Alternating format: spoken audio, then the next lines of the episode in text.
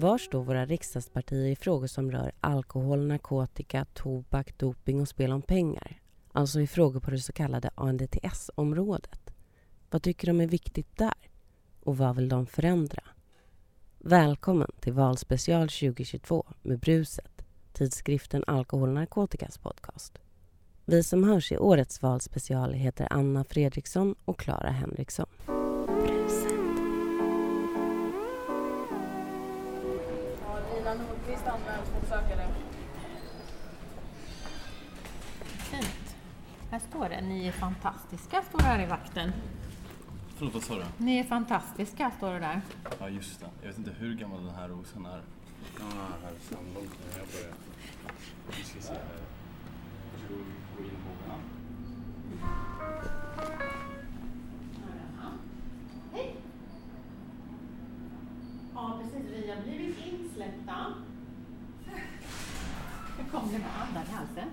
Ja, det, men det ska vara så.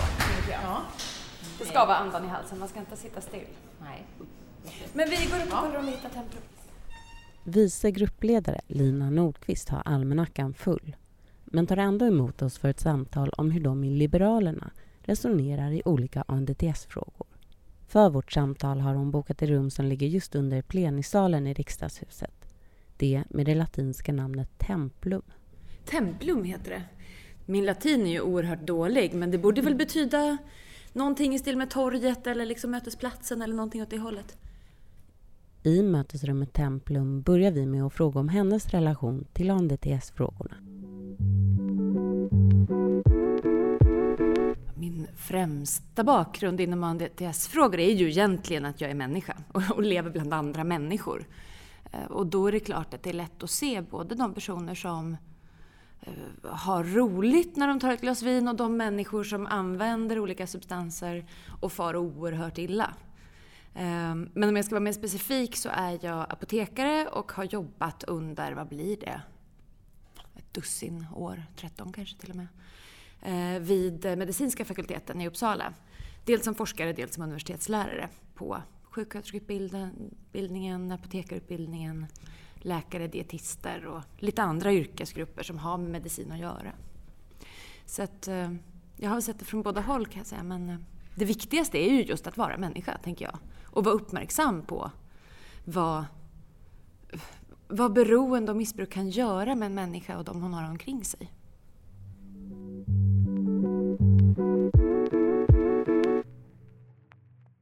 I Alkohol och narkotikas valenkät som man kan gå in och läsa på vår sajt, så eh, har ni svarat att den ANDTS-skrivelsen som vi fick nu, att den innebär en ambitionssänkning. Kan du berätta på vilket sätt? Ja, men vi tycker att det är eh, ganska mycket ord men det är svårt att veta riktigt vad det betyder. För vi tycker verkligen att Många äldre människor, framförallt äldre kvinnor, far oerhört illa idag. Vi är inte säkra på att de blir hjälpta av den nya strategin. Vi tycker att det behövs eh, en, en hårdare kram av unga människor och av barn. Eh, både de som är anhöriga och de som själva börjar använda eh, substanser som de verkligen inte mår bra av. Så vi skulle, tycker vi, tillsammans med den frihet det innebär att man har laglig tobak och alkohol i Sverige så behöver vi också ha ett mycket, mycket starkare skyddsnät och fånga upp de människor som faktiskt inte alls mår bra av det. Och då har ju ni eh, gjort en följdmotion och då har ni inte mindre än 19 punkter som ni tycker man skulle genomföra för att det skulle bli en strategi som är värd namnet då. Om ni kommer i regering, hur brådskande är det med de här punkterna? I ärlighetens namn skulle jag säga att det som är mest bråttom, det är inte strategin eller punkterna i sig. Utan det är att det märks för de människor eh, som strategin ska hjälpa att den finns där och att den gör verkan. Så det, det är ju inte så att innan, innan riksdagen har fattat ett beslut om en strategi så kommer inget hända. Och det är heller inte så att när riksdagen fattar ett beslut om en strategi eh, så påbörjas allt direkt. Utan jag brukar tänka ibland eh, när jag är här i riksdagen och vi förhandlar, vi debatterar och vi fattar beslut att mycket av det vi gör det är ju själva trädgårdstidningen. Men det som verkligen spelar roll för människor det är ju om tipsen i trädgårdstidningen, eller i det här fallet då ordrarna eh, och besluten i trädgårdstidningen, blir det verkligen arbete i trädgården? Och där, där har vi ju jättemycket att göra med eller utan uppdaterad strategi för att se till att skola, socialtjänst, sjukvård, hela samhället finns där eh, och har tiden och har kunskapen att verkligen eh, ta hand om de människor som behöver dem. Och vad skulle du säga att ni har för andra medel att, alltså, att åstadkomma detta då? Vi har ju, alltså det finns ju så många lagar och så många myndighetsuppdrag som hör ihop med detta. Strategin är ju ett sätt att försöka samla allt och att också peka på att det här är viktigt. Men eh, det finns ju så, sånt som att, att, man ska ha en personlig husläkare som verkligen känner en, har tid för en och kan ställa rätt frågor istället för att rabbla från ett formulär som man i värsta fall måste göra om man inte minns patienten. Eh, att det finns elevhälsa som är stark och värd namnet. Eh, att socialtjänsten har kunskapen och har metoder som fungerar för att upptäcka och att man sen skickar vidare till en sjukvård som har hela ansvaret för beroendevården. Det finns ju så mycket som, som strategin i och för sig berör. Men som ju aldrig kan lösas bara med en strategi utan som kräver stark lagstiftning över hela, eh, ja, i hela lagboken egentligen.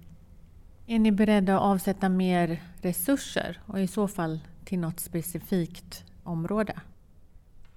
Svar, det enkla svaret är ju ja. Eh, det, kommer, det behövs mer resurser specifikt område tror jag inte jag kan, faktiskt kan peka ut därför att vi behöver mer pengar till primärvården.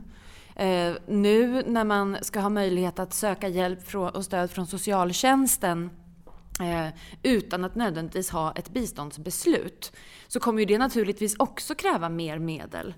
Eh, när, när vi vill att skolan verkligen ska ha alla de speciallärare och de stödresursfunktioner, socionomer som behövs för att varje barn ska få en vettig chans och inte behöva hamna i, i knipa. Så det är klart att det också kräver många, många miljarder. Eh, så ja, vi, vi är villiga att avsätta resurser men jag, jag, tror att man skulle få göra listan väldigt, väldigt lång för att täcka in alla de ställen där resurserna behövs. Och där skulle jag vilja säga att en väldigt viktig sak är ju också att vi kommer ihåg att vi måste få in de pengarna. Eh, för, för varje människa som mår bra, går till ett jobb eller startar ett företag, trivs, eh, kan anställa andra, så kommer det in pengar som vi kan använda för att i sin tur skapa ett starkt skyddsnät. Liberalernas representant när vi hade samma intervju inför förra valet då, sa att det är ett problem det här med att om man ändrar målen vart fjärde år. För då hinner det inte sätta sig att nu är det det här som är viktigt och som man ska prioritera. Hur ser du på det nu? Ja, men det, det, stämmer ju. Dels är det ju klart att om man, om man byter för många mål så vet man ju heller inte vad man jämför med. Man kan inte titta tillbaka i tiden lika, lika lätt. Eh, om man helt försöker ändra riktningen på en stor ångare så är det klart att det tar tid innan den har lagt om sin kurs. Eh, men i det här fallet skulle jag säga att det handlar ju inte om att lägga om kursen. Det handlar ju snarare om, skulle jag säga, att göra kartan tydligare, akta sig för grunden och reven, se till att öka några knop. Så att, eh, jag tycker inte att det är ett problem om man, om man spetsar till målen. Om man är tydligare med vad är det vi vill egentligen. Och de gånger man behöver lägga till ett mål eller vara tydlig med att de här personerna har vi glömt. Till exempel då äldre människor i eh, beroende då, vi kan ju inte låta bli att lägga till dem för att det blir snurrigt. Människor behöver hjälp. Det är ju det hela vårt arbete i detta hus är till för.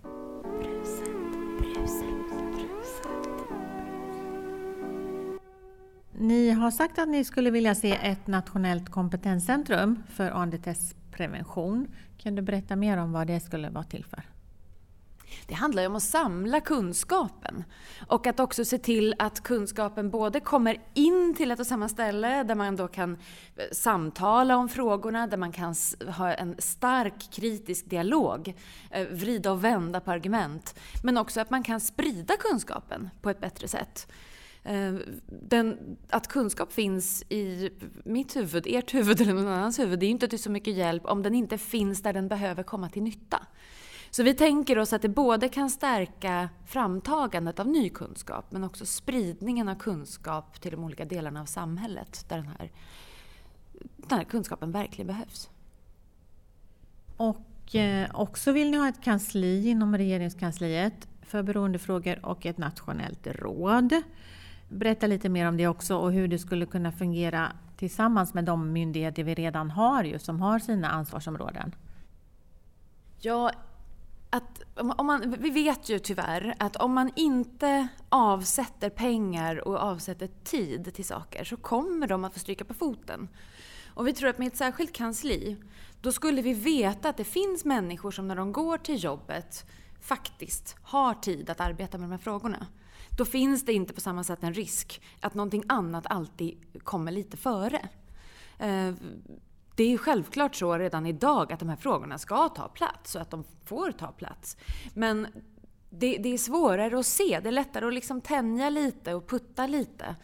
Eh, så vi, vi, är helt övertygade om att genom att vara skarpa med att man måste ha kunniga människor som får arbetstid till detta och man måste ha fora, ett råd, eh, där, där man kan diskutera frågorna, där man kan samla olika myndigheter och expertkunskaper. På det sättet får vi ett annat fokus på frågorna och då får de mer jag får nästan använda ordet status tror jag. För status spelar roll. In, inte för den enskilda personen så, i form av någon sorts slips eller litet diadem. Men för frågorna i sig är det viktigt att de har en tyngd. Att de syns och hörs och märks så att man inte kan glömma bort dem.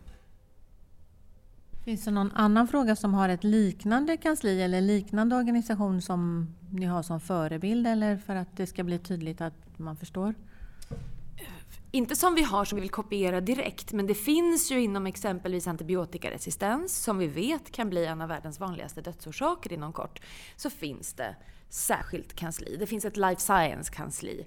Det, alltså det, det, finns resurser på olika sätt inom områden där vi vet att här måste vi fokusera resurserna. Vi får inte riskera att, att de här områdena kommer i kläm.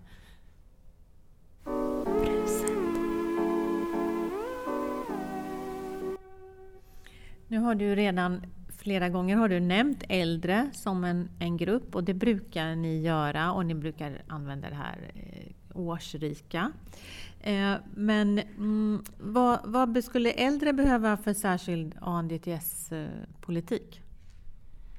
Egentligen inte kanske någon särskilt annorlunda politik men idag tappas människor bort. Och det är inte bara, alltså det är inte bara seniora personer, äldre eller årsrika. Utan det kan också vara människor som eh, som har svårt med språket, svårt att hitta fram till vården, människor som inte har ett arbete så det är ingen som ser vad som händer dem. Eh, människor som har det väldigt svårt på hemmaplan, eh, som löper ökad risk att drabbas av ett beroende men som också löper ökad risk att ingen kommer att upptäcka det människor med funktionsnedsättningar kan ofta kanske till och med ha svårt att själva riktigt förstå att, att det finns ett problem och andra har svårt att förstå. Så att det, det är inte så att det behövs en särskild politik för olika, olika grupper av människor. Men det finns människor som hjälps eh, av den politik vi har idag och det finns människor som behöver precis samma hjälp som vi andra, eh, men som inte syns. Och det är ju de människor som har den svagaste rösten, det är ju de vi måste stå upp för. I den här valenkäten så har ni också sagt att ni står bakom att narkotikabruk och innehav för eget bruk ska fortsätta vara kriminaliserat. Men ni har samtidigt motionerat om en försöksverksamhet när det gäller eh, injektionsrum. Kan du berätta lite hur det går ihop sig med en sån verksamhet i samhället när vi har eget bruk som är kriminaliserat. Det kan ju bli svårt naturligtvis om man inte utformar det klokt. Men vi ser ju exempel i andra länder på att man kan skapa den typen av injektionsrum som blir som en form av steg två av ett sprututbyte. Och att man kan få ett, en, en, liksom ett kortare avstånd till hjälpen. Att man lättare kan lyfta människor in i värmen så att säga och locka till vård, behandling och stöd. Eh, och det är ju det vi är ute efter. Alltså vår, vår, hela vår beroendepolitik syftar ju till att minimera lidande och död. Framförallt naturligtvis för den person som själv är drabbad men också för de anhöriga och alla de runt omkring som far otroligt illa. Just, och där när det gäller anhörigas situation så är det här en av de saker som ni ni lyfter också, som ni svarar, att det här skulle kunna ta bort oro som anhöriga har. Men är det den insatsen som ni ser som viktigast för anhöriga eller mest angelägen? Nej, nej. Det, det allra viktigaste för anhöriga det är ju naturligtvis att, att anhöriga ska känna sig trygga med att det finns ett samhälle där. De är inte ensamma. De, de, måste själva få stöd. Och som anhörig eh, måste vi också veta att den person vi bryr oss om får stöd jag brukar säga ibland att anhöriga idag, både inom sjukvård och, och beroende och andra områden, äldreomsorg och så vidare, så är ju anhöriga egentligen lite grann den största yrkesgruppen. Men det finns inga kollektivavtal, det finns inga arbetstider, det finns ingen lön, det finns inga, inget fack som företräder den. Och det som är allra viktigast är ju att vi ser till att anhöriga ska inte bära denna börda själva. Och Däremot ska man veta att det finns kunniga människor med empati och tid som kommer att hjälpa till. Man ska inte stå själv, däremot ska man få stöd. Den här strategin som ni tog nu under våren, den första nationella anhörigstrategin. Vad tycker du, hjälper den till? den här frågan var jag inte beredd på. I ärlighetens namn, så som den var tänkt att se ut från början så var den erbarmlig, tycker jag. Därför att den uteslöt i stort sett alla. Ehm, jag tycker den blev betydligt bättre sen när det inte sattes åldersgränser på hur gammal man behöver vara för att vara anhörig och hur gammal den man är närstående till ska vara för att jag ska vara anhörig. Men vi har en lång bit att gå. Ehm, jag, jag får ibland intrycket av att vi fortfarande förväntar oss att anhöriga ska vara där och att allt det vi inte löser, det ska, det ska anhöriga fixa. Eh, och det gör de ju, men det, det, vi får inte acceptera det. Det ska inte vara så. Jag tycker vi kan göra mycket, mycket mer. Eh, både i resurser, kunskap och ren lagstiftning för att anhöriga ska få bättre villkor än idag och mer hopp. Mm, det finns ju många grupper av, av anhöriga. Är det någon speciell som du vill? Om jag ska peka ut en särskild grupp så är det nog faktiskt barn. Där jag tycker att eh, vi vet ju idag att, eh, nu blir jag alldeles rörd så jag hoppas det inte hörs allt för mycket i, i sändning. Eh, vi vet ju idag att det finns massor av personer under 18 år som går upp på morgonen, de lagar frukost, de väcker sina föräldrar, de lägger fram rena kläder åt sina syskon, de gör allt det de inte skulle behöva göra. Eh, men ändå säger svensk lagstiftning att är du under 18 år kan du inte vara anhörigvårdare så att säga. Eh, det är på något sätt så att svensk lagstiftning kan vara oerhört blåögd ibland. Den tar för givet att om vi vill att du ska vara barn så får du också vara barn. Men så är det ju inte. Så att eh, jag tycker verkligen att socialtjänstlagen, men också i viss mån hälso och sjukvårdslagen, behöver faktiskt ta och skärpas upp. Så att vi verkligen ser till att de barn som är anhöriga synliggörs och verkligen får det stöd som vi är skyldiga varje barn i det här landet.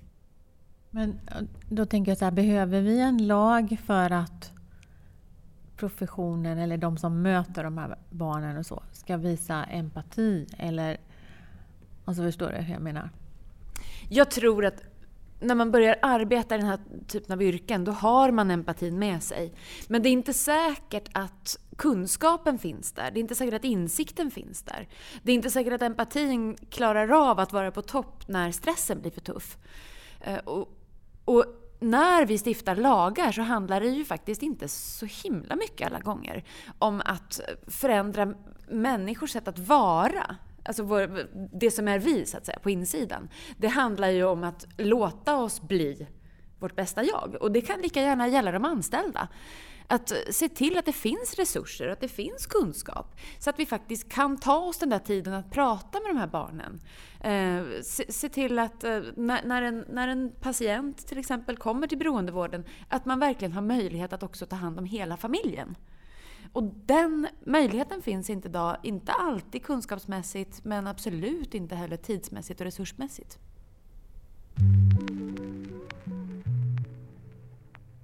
får du andas lite. Ja, precis. Men det är så viktiga frågor så jag har, jag har, jag har så svårt att inte, att inte bli väldigt berörd. För att det mm. är ju... Jag tänker att, för det mesta tänker jag att staten ska vara tyst, faktiskt. Eh, staten ska inte lägga sig i det vi människor klarar själva. Eh, staten ska inte hindra mig från att hjälpa andra människor eller att krossa glastak eller bli, vad vet jag, snickare eller astronaut eller vad jag nu vill. Liksom. Jag, jag bestämmer över mitt liv. Eh, och jag tycker den lägger, i, lägger sig i för mycket, många gånger. Men det ironiska är att när staten verkligen behöver vara högljudd, när den behöver finnas där för oss, för allt det här vi inte klarar själva, då kan den vara märkligt tyst. Och det gör mig berörd och det gör mig förbannad. Så det är nog det ni ser nu, tror jag. Men jag, jag, ska försöka genomföra en stabil intervju med tillräckligt många ord i rätt ordning för att det ska vara begripligt. Men det, det är verkligen så... Det gör så ont i, i hjärtat och veta hur mycket vi har kvar att göra och samtidigt är det ju inte rocket science. Det är inte, det är inte svårt det här. Jag tror att de flesta människor i ja, kanske 5-6-årsåldern skulle, skulle kunna se att det är klart man behöver hjälp om man, om man har ett beroende. Eh, eller om ens mamma eller pappa har ett beroende. Eh, det är inte konstigt. Men vi, vi borde ha kommit längre och vi ska komma längre.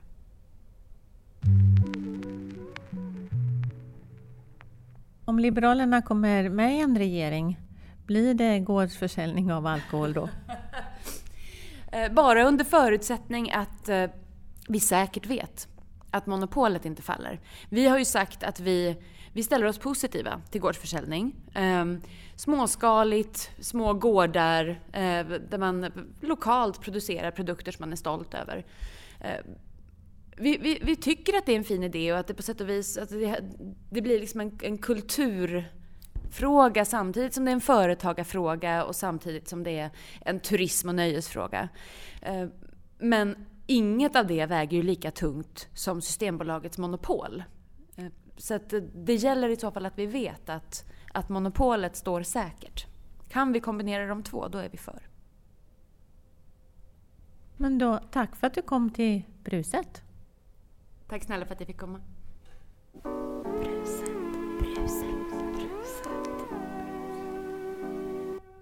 Vill du veta vad andra riksdagspartier står i frågor på ANDTS-området?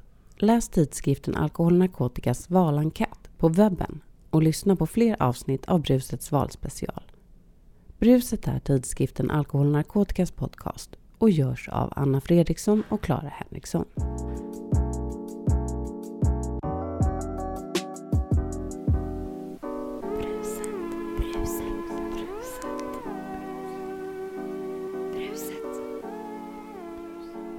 Bruset.